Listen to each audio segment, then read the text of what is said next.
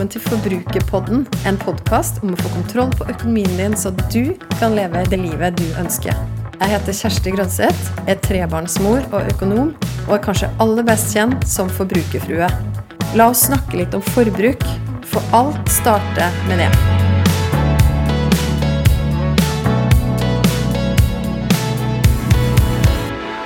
I dag i Forbrukerpodden har jeg besøk av en fantastisk dame. Hun er en prisbelønt podkaster, er influenser i sosiale medier, hun er gründer, og også blitt reality-stjerne. Hun er faktisk en av de som har inspirert meg også mest personlig til å satse på egne prosjekt. Så nå er det en stor glede for meg å introdusere for deg som hører på Forbrukerpodden, Yrja Oftedal. Velkommen i studio, Yrja! Tusen takk! Det var jo en utrolig fin intro. Tusen takk, Kjersti. Det var veldig hyggelig. Og det er helt sant. Ja! takk! Det er liksom så vanskelig å forstå på en måte, ikke sant? hvilket inntrykk man gir til folk, men det er jo når du får høre det i den eh, Når du sier det sånn, så er det Ja, nei, det kjennes veldig godt å få høre det. Tusen takk, Kjersti. Jeg var jo så heldig å få lov å være gjest i denne prisbelønte podkasten din som heter Power Ladies, nå i høst. Og da var vi i studio og skulle spille inn, så satt vi og venta på at studio skulle bli ledig. Da var det Anita Krohn Traaseth og Hege Jansson Skogen som var inne og spilte inn en episode av Godt nok for de svina, og så satt vi utafor og prata litt. Og du vet, det er noen øyeblikk som du innser etterpå at blir liksom definerende øyeblikk, og det var et av de. fordi da snakka vi Jeg fortalte litt om hva jeg drev med, og du fortalte litt, og så sa du til meg at men, men du kan jo egentlig bare satse. Og det for meg var et sånt øyeblikk som jeg har tenkt eh, masse på i ettertid, og som jeg har tatt med meg, og som gjorde at jeg nå Og det her vet jo ikke du, det her har jo skjedd siden sist vi snakka sammen, Yrja. At nå har jeg faktisk valgt å søke om litt permisjon fra min faste jobb for å få mer tid til å drive med noen av mine prosjekt, som jeg skal fortelle mer om seinere. Men jeg vil si at du var en av de som fikk meg eller som gjorde, og, den setningen der, men du kan jo bare satse, som gjorde at jeg turte å ta det som for meg var et stort steg. Wow! Tusen takk, herregud. Nei, for jeg er jo Jeg tror det er en av de tingene jeg er best på, å gi andre selvtillit, rett og slett. Så jeg, og jeg pusher jo ganske hardt, ikke sant? Jeg er jo veldig Ja, men hvorfor gjør du ikke sånn? Du har jo det talentet! Du må jo satse, liksom. sant? Hva har du å tape, og alt det der greiene der. Så det er jo hyggelig å høre at det går igjennom. Og jeg får jo ukentlig tilbakemeldinger fra folk som lytter på podkasten, som òg har fått fått samme liksom, ja, opplevelse som deg. Da. Så det er jo Ja, nei, og, så jeg er jo veldig stolt over at jeg har den evnen, og jeg må jo bare benytte meg enda mer av den evnen, tenker jeg. Mm. Så absolutt! Men du Yrja, for de som hører på nå, som kanskje ikke kjenner, seg, kjenner, deg så godt fra før, kan ikke du fortelle litt mer om hvem du er, og hva det er at du brenner for? Ja, jeg brenner jo for eh, å altså fremme mer kvinnelige rollemodeller, fordi det er et savn jeg har hatt hele livet. Eh, når jeg vokste opp, så hadde vi jo ikke sosiale medier, og de eneste som ble kvinner, da, som ble presentert i media og i, på TV og ja, i disse magasinene, sånn da Topp og L og alt det der, det var ja, det var enten modeller eller popstjerner eller skuespillere. Og uten å ha altså, sant, De var jo ikke sånne som hadde sterke saker de brant for, eller eh, tydelige karrieremål, eller at de gjorde en stor impact. Så jeg hadde på en måte ingen å speile meg sjøl i, eller ingen jeg kunne ja, rett og slett se meg sjøl i. Um, så da endte det jo opp med at jeg hadde bare sånn masse mannlige rollemodeller, men samtidig så føler du deg ikke helt connecta til de heller. Så jeg gikk liksom og lette og lette etter disse rollemodellene for å på en måte kanskje få enda mer tro på meg sjøl, at det var plass til meg òg i denne verden med alle disse rare tankene og ønskene jeg hadde som ung. Jeg eh, hadde jo Jeg klarte på en måte ikke å se meg sjøl noe sted, for på skolen så fikk jeg høre om at eh, ja, du kan bare bli lege, eller sykepleier, eller sant? Altså, jeg fikk ikke presentert f.eks. det å være gründer. Så det var jeg, jeg, skjønte meg ikke igjen i noen deler av samfunnet.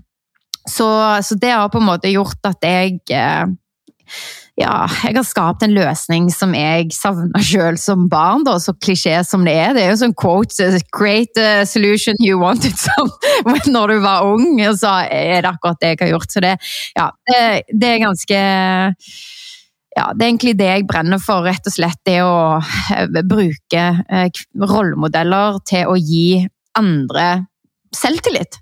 Rett og slett vise at eh, du kan gå den veien du ønsker. Her er det masse veier du kan se som kvinner har gått, og her er det bare å plukke og mikse og se at eh, du kan få til det du vil òg. For if you can't see it, you can't be it. Det er vanskelig å se for seg uh, eh, sjøl og sitt eget liv hvis du ikke har noen steder du kan se at andre har ja, gått i den retningen som du har lyst til å gå i. Da. Så det er rett og slett eh, i mangel på tilhørighet og tro, tro nok på meg sjøl at jeg kan få til eh, det jeg har lyst til, at jeg nå har gått inn for å gi andre eh, de rollemodellene som jeg trengte som ung.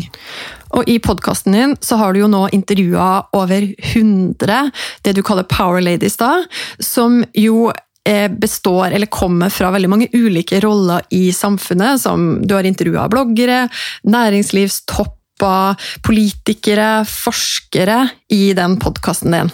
Og kanskje felles for de alle er at de har skapt noe rundt det de brenner for og tror på. Og gjerne også fokusert på det med bærekraftig samfunnsutvikling.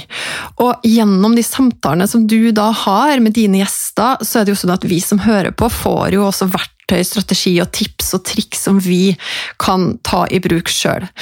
Så er det jo de som hører på Forbrukerpodden nå, som kanskje kjenner seg igjen, eller som er på et eller annet sted i sitt liv der de ønsker å ta noen grep. Det kan være i økonomien sin, eller de ønsker å ta noen steg i karrieren sin. Eh, det kan være et mål som man ønsker å nå så vil jeg spørre deg, Yrja, hvis man kjenner at man er litt sånn åh, men den selvtilliten som Yrja har, den skulle jeg gjerne hatt litt mer av. Hvordan, hvordan starter man i hele tatt å tenke? For meg så har det jo starta ved å oppsøke inspirasjon. Eh, så jeg har jo hørt mye på podcaster. Eh, det er vel egentlig stort sett podcaster, men du har jo bøker av biografier og Eller eh, sånn selvutviklingsbøker, eller sånn businessfokuserte utviklingsbøker. Så stedet det starter, er jo å finne inspirasjon og finne noen mennesker som du Som resonnerer med deg, som på en måte kan gi deg den ekstra Ja, eller i hvert fall kanskje det lille steget til å um, gå videre. En bok som har vært viktig for meg, det er den Start with Why, Simon Sinek. At alt handler om å starte med det å finne en mening, um, og det å kartlegge seg sjøl. Ok, nå skal du høre. Det, det, starter med inspirasjon, og så starter det med å bli godt kjent med seg sjøl. Og for å bli godt kjent med seg sjøl, så må man finne verdier, hvor man finner mening, hvor man finner mestring. Hva er det som gir energi, hva er det som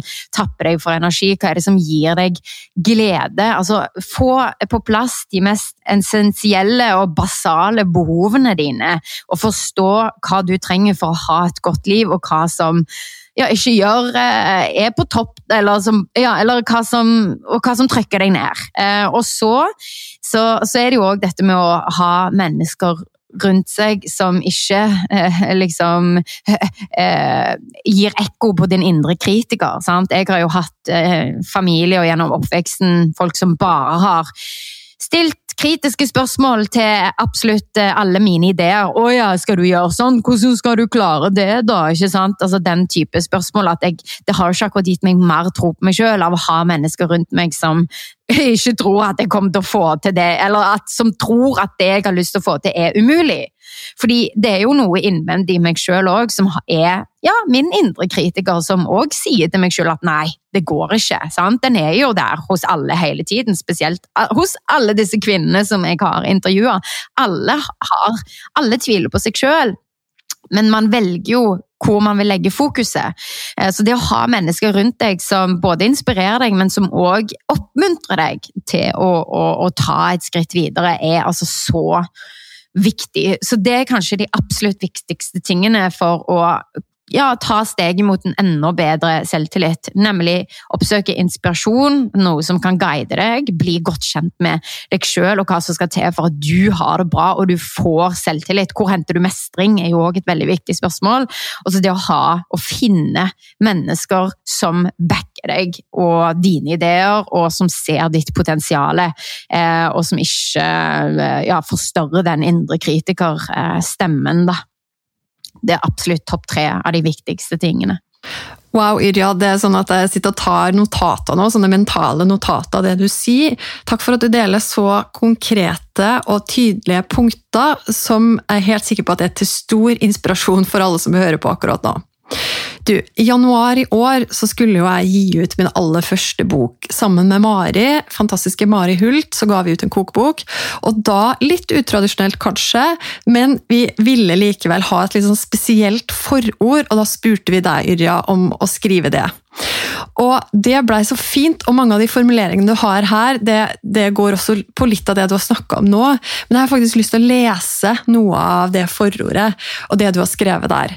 Fordi du starter med å si at i det øyeblikket jeg bestemte meg for å møte opp i eget liv og stå til ansvar for mitt mentale og fysiske velvære, endret livet mitt seg betraktelig. Jeg fikk kontakt med mine egne følelser og tanker, og jeg opplevde at jeg hadde makt til å føle meg bra og trives i egen hverdag. Så skriver du også lengre nede i det forordet at det viktigste var at du skjønte at du måtte bli din egen heiagjeng, din egen største fan, og at det ble en opprydding som tok flere måneder med etablering av nye vaner, med nye prioriteringer. Jeg synes bare det var så utrolig fint skrevet, og det der med å både bli sin egen heiagjeng Jeg kjenner meg veldig truffet av det. Man kan jo ha den der indre kritikeren som på en måte prøver å snakke høyere, men da i stedet å bli sin egen heiagjeng, sammen med det du akkurat sa nå om å omgi seg med de folka som, som, som tar deg et steg videre, da, og som, som, hjelper deg og kanskje få mer av det livet som, som du drømmer om. Det, det, er utrolig inspirerende. Og det er jo liksom du som hører på nå, kanskje har du ting du ønsker å oppnå nettopp i ditt liv, ikke sant? som du kjenner at ah, nei, men her blir jeg litt begrensa. Så det med å heie på seg sjøl og det med å omgi seg med folk, utrolig bra og viktig uansett hva Uansett hva man skal begi seg ut på, om det er en økonomisk snuoperasjon eller at du ønsker å starte noe eget, egentlig hva som helst. Det her er så viktig. Det er så bra, Yrja. Takk! Takk! Ja, det, det, det, er, det, er, altså så viktig å vite at du har så mye makt sjøl til å ta ansvar eh, for egen hverdag og eget liv. Det er et valg man har. Eh, enten så velger du å høre på den indre kritikeren, eller så velger du å ja, sette det du vet eh, høyere. Sant? Det du vet du trenger i eget liv eh, for å ha det bra, høyere. ikke sant? Og bare ha i bakhodet at alle tviler på seg selv. Alle de som har fått mest suksess i verden, de har akkurat samme stemmer i hodet som deg. Forskjellen er bare at de tar valget om å ikke la de dominere. Så man har så mye mer makt eh, enn det man tror, og det tror jeg at veldig ofte at folk glemmer. da. At man bare lar seg rive med og tenker nei, det er alle andre ytre omstendigheter som gjør at jeg har det sånn som jeg har det. Men alt kommer jo til syvende og sist an på hvordan du tar det. Så klisjé som det høres ut, men det er sant. Mm, det er et valg man tar. Og litt apropos det å ta ansvar for seg sjøl og sitt eget liv. Jeg fikk en melding på Instagram fra en fin følger, Beate, som skal på jobbintervju for en ny jobb som hun ønsker veldig gjerne å få. Og Da spurte hun meg om jeg har noen gode tips til hvordan forhandle om lønn i ny jobb. Og Da har jeg lyst til å spørre deg om det samme, Yrja. Og Da skriver hun at hun, hun tror hun har en ganske ok eller god lønn nå, og så lurer hun på om det her er et minus når lønn skal forhandles med ny arbeidsgiver, og om de kan bli skremt av at hun har mye i lønn fra før. Hva tenker du? Åh, jeg elsker det spørsmålet, men jeg tror at eh, Ja, eller jeg tror at det, Hvorfor skal de bli skremt? Jeg tenker Det er jo en kjempefin inngangsvinkel at du kommer og sier dette er det jeg tjener, og jeg vil ikke ha mindre enn dette. Det er det jeg er verdt. Sant? Så du kommer jo inn og har eh, allerede en verdi som ikke skal gå ned. Eh, så må sto, hun må bare stole på at det, det, hun tjener nå, det er det hun er verdt, og det er et minimum hun skal ha i sin neste jobb, og det må hun bare være trygg på. For det tror jeg ingen mann hadde tvil, tvil på. Jeg tror det hadde jo vært sånn Yes, dette er det jeg er verdt, nå skal jeg inn i jobb, en ny jobb, da skal jeg tjene enda mer enn dette. Men du, hun skal i hvert fall ikke gå ned, og det må hun ikke tvile på. Det er mitt sånn viktigste eh, ja, punkt, da, tenker jeg. Det her syns jeg er utrolig interessant, for det her hører vi jo ofte om at det er forskjeller på kvinner og menn, og at vi kvinner generelt sett da, syns det er vanskeligere å gå i lønnsforhandling, og det med å vite hva vi er verdt og hva, hva, vi på en måte skal ha da, inn i en ny jobb, sånn som f.eks. Beate her skal, skal inn i. Så hva, hva, tenker du, hvorfor, hvorfor er det sånn at det her er vanskelig for oss? For jeg kjenner meg jo igjen også. Jeg tror det er så komplekst, dette her, Kjersti, at det har med liksom århundrer av hvordan jenter, eh, kvinner, ikke har eh, hatt så mye relasjon til penger, og ikke har vi vokst opp med å snakke om det heller.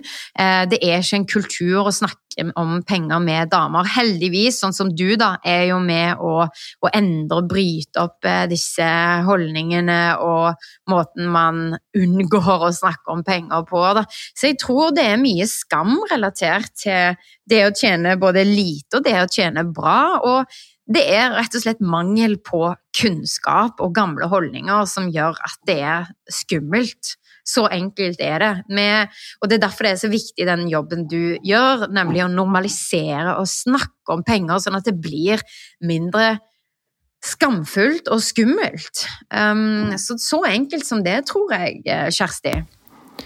Det har jo også vært studier som har vist at det er vanligere å snakke med guttene sine hvis man har sønner, enn med døtrene sine om penger og økonomi. Det var Kristin Skau i det som heter Aksje Norge som introduserte meg første gang for, for denne studien, som altså viste at i en familie så var det vanligere, det var flere av de som var med i studien, som da snakka snakka med barna sine, med sønnene sine, om økonomi enn døtrene sine.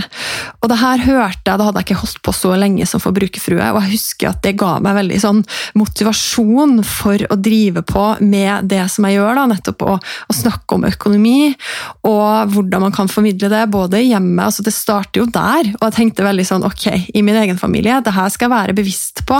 Nå har jo jeg to sønner og ei datter sjøl, og når de også blir litt eldre, at det skal ikke være noen forskjell på hva jeg snakker med dattera mi om da, og hva jeg snakker med sønnene mine om.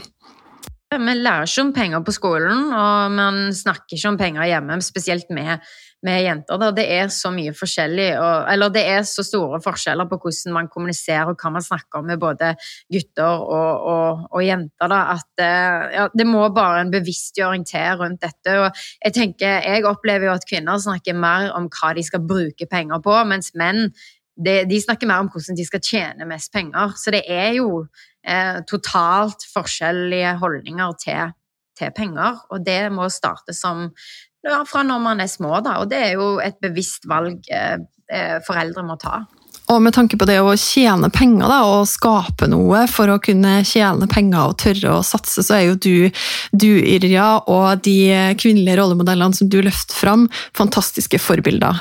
Men litt sånn angående det med forbruk, du kommer jo inn på det nå. Der har jo jeg skjønt at du er jo en person som Jeg har beskrevet deg sjøl som ganske nøktern i ditt eget forbruk. Kan du si noe mer om hvordan tenker du når du bestemmer deg for hva du skal bruke penger på i ditt liv og i din hverdag?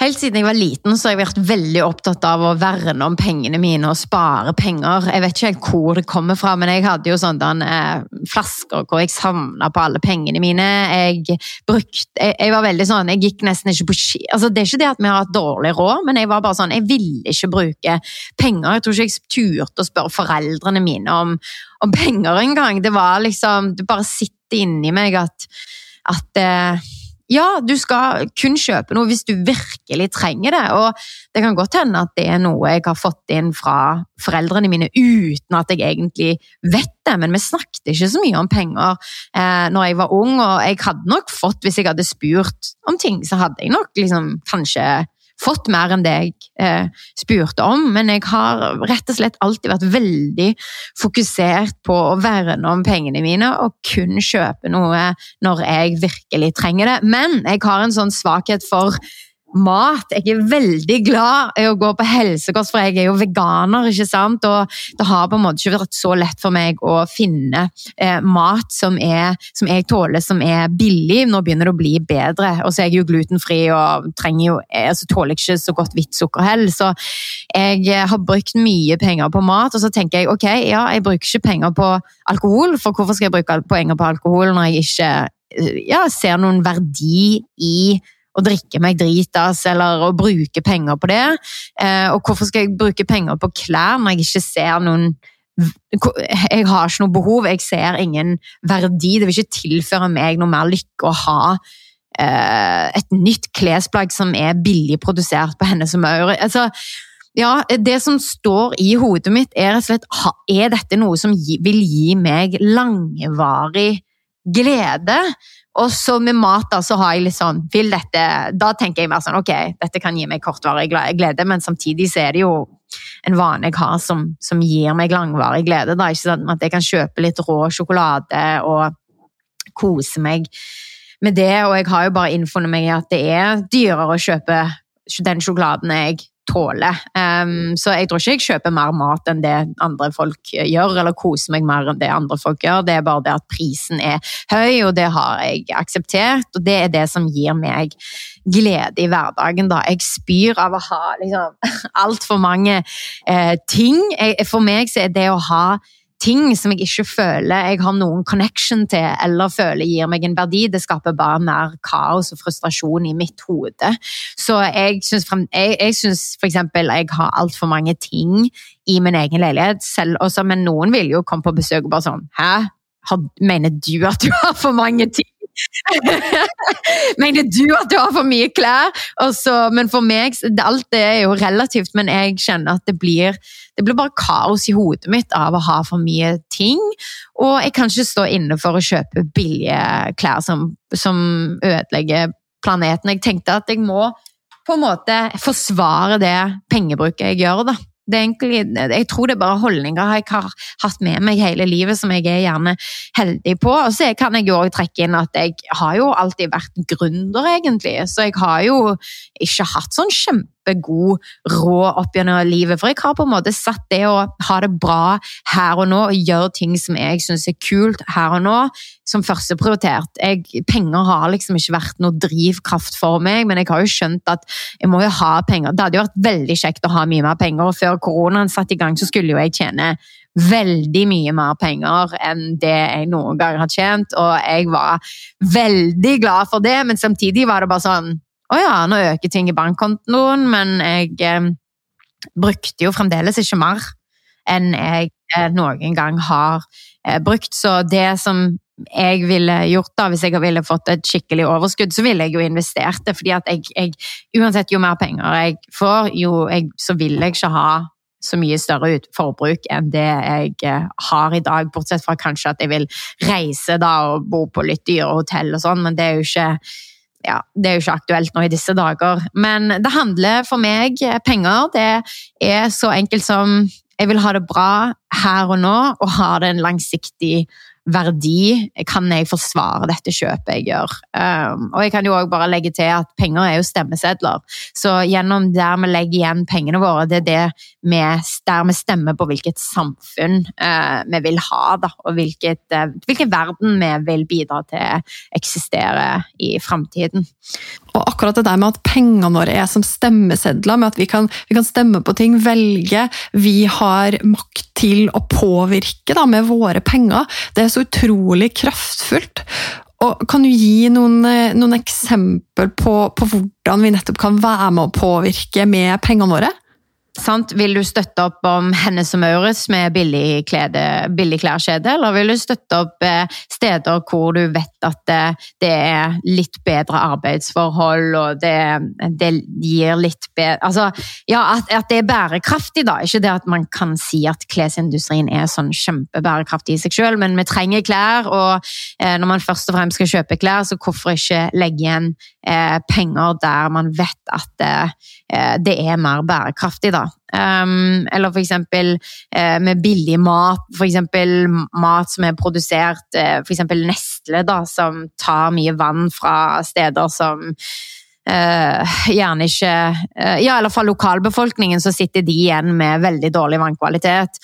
Um, så, så, på en måte bare Det handler om å sette seg litt inn i Eh, hvis man har noe man skal kjøpe, sett seg, sett seg, inn i det. Jeg hører jo nå når jeg snakker at det er jo en liten jobb. Sant? Man må jo gjøre eh, research, eh, men det kommer egentlig an på eh, å tenke og Det er så komplisert dette, Kjersti, hvis jeg skal gå mer inn i det, men det handler rett og slett om å finne ut hvilken verden har du lyst å bidra til at skal eksistere?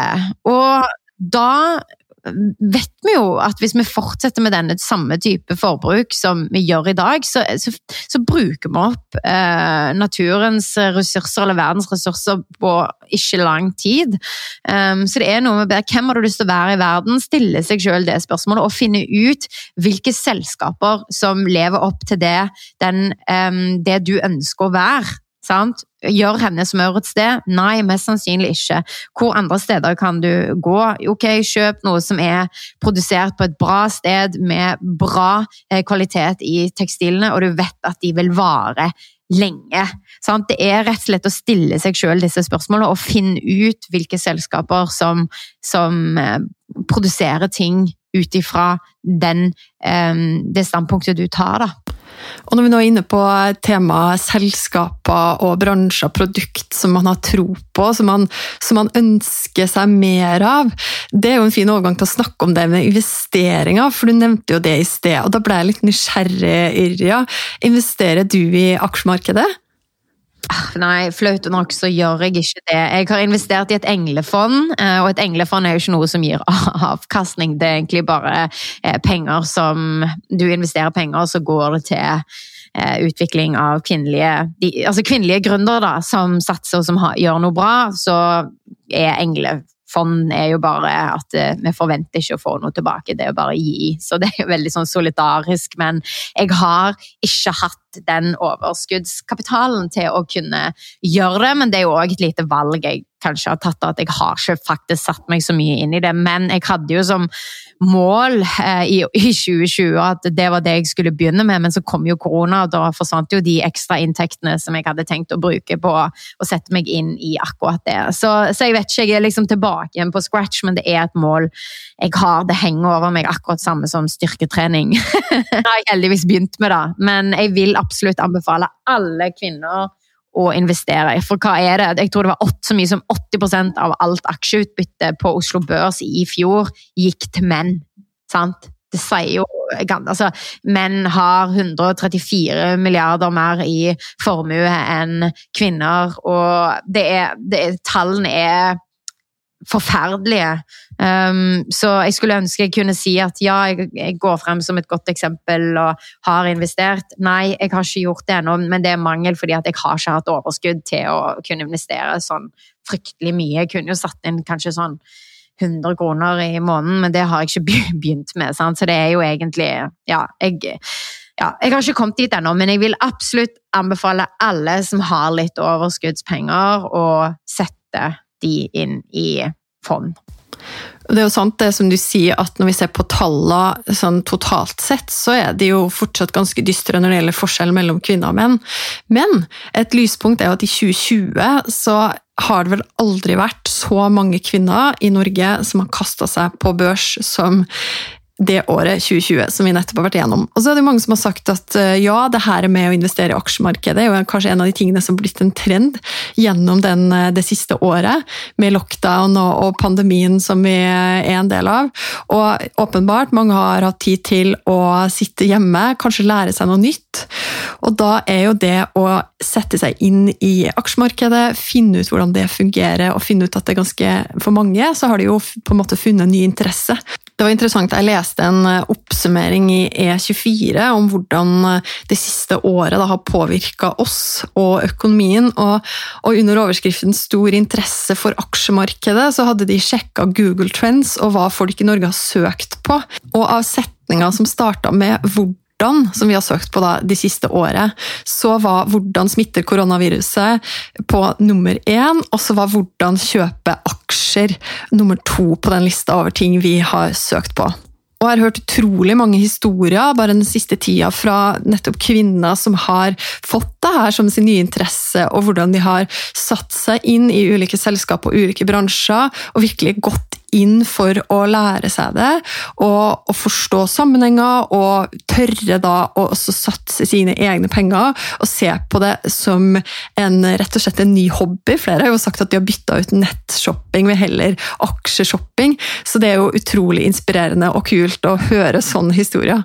Jeg syns det er kjempekult, og jeg må jo si at jeg tror at, eh, ja, at det er en kommunikasjonstrend òg som har skjedd like før 2020, men spesielt i 2020. Mens man kan jo bare trekke frem Hun investerer-kampanjen til DNB, som bare skøyt altså Den tok jo helt av, og jeg tror alle kvinner spesielt fikk med seg den. De gjorde jo en kjempejobb, og jeg var jo med på i fem byer, og det satt tusen stykker i hver sal eh, når vi hadde Hun investerer arrangement med DNB.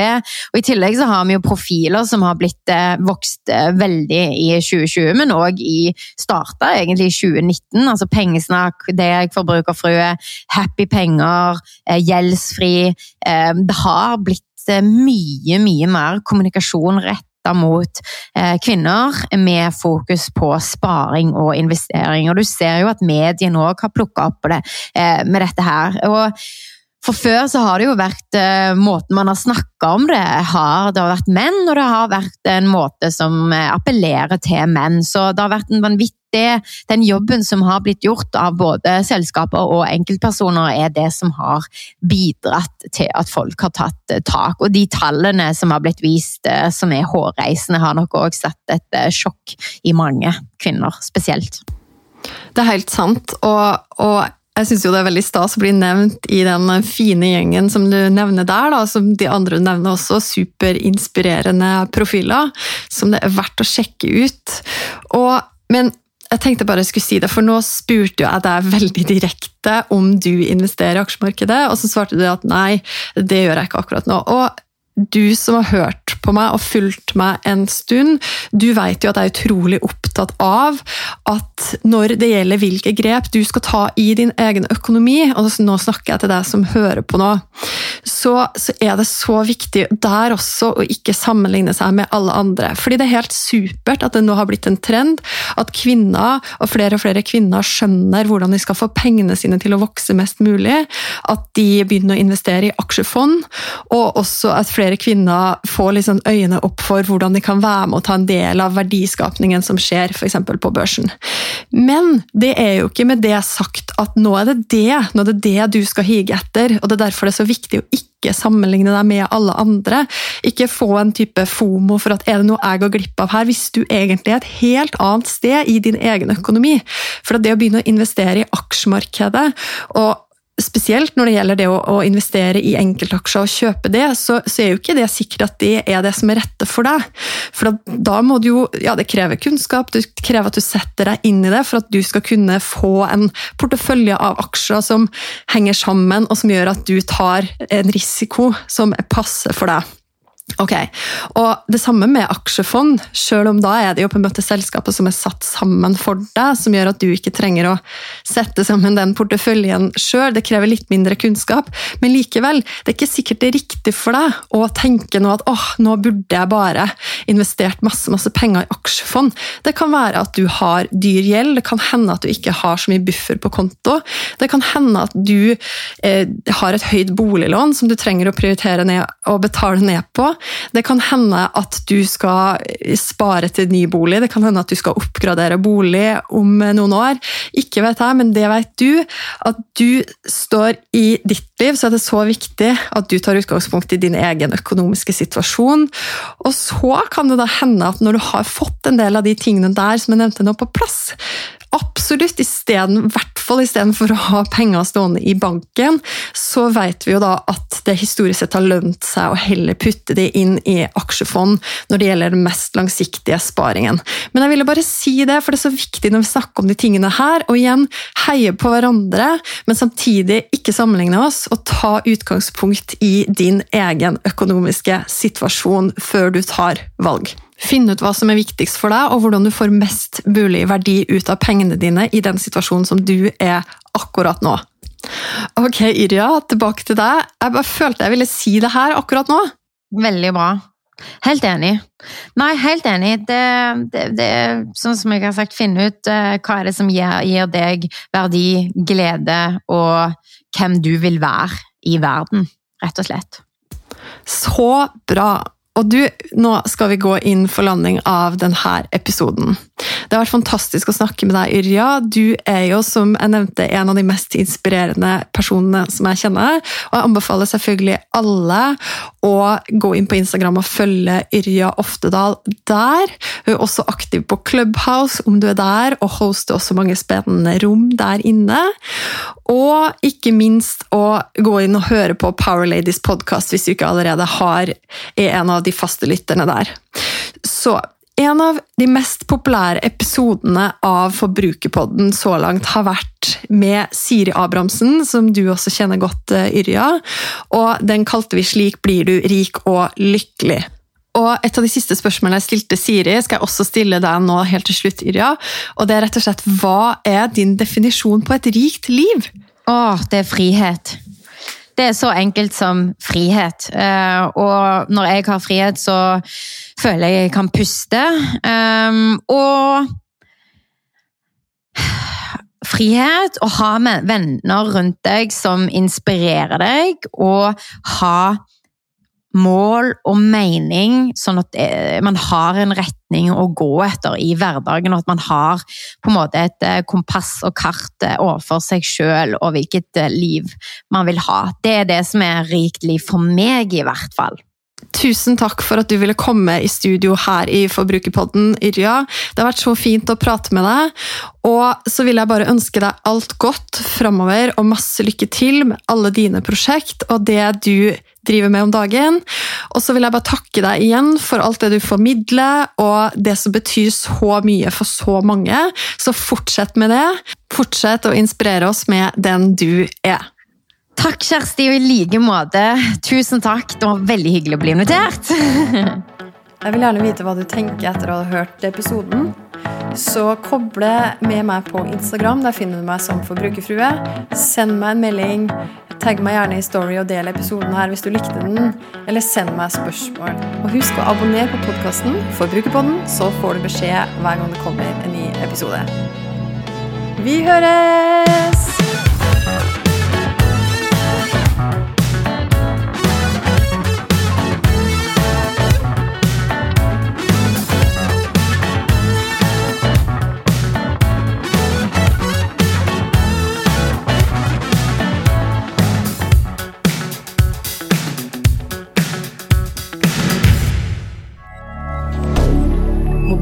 Media.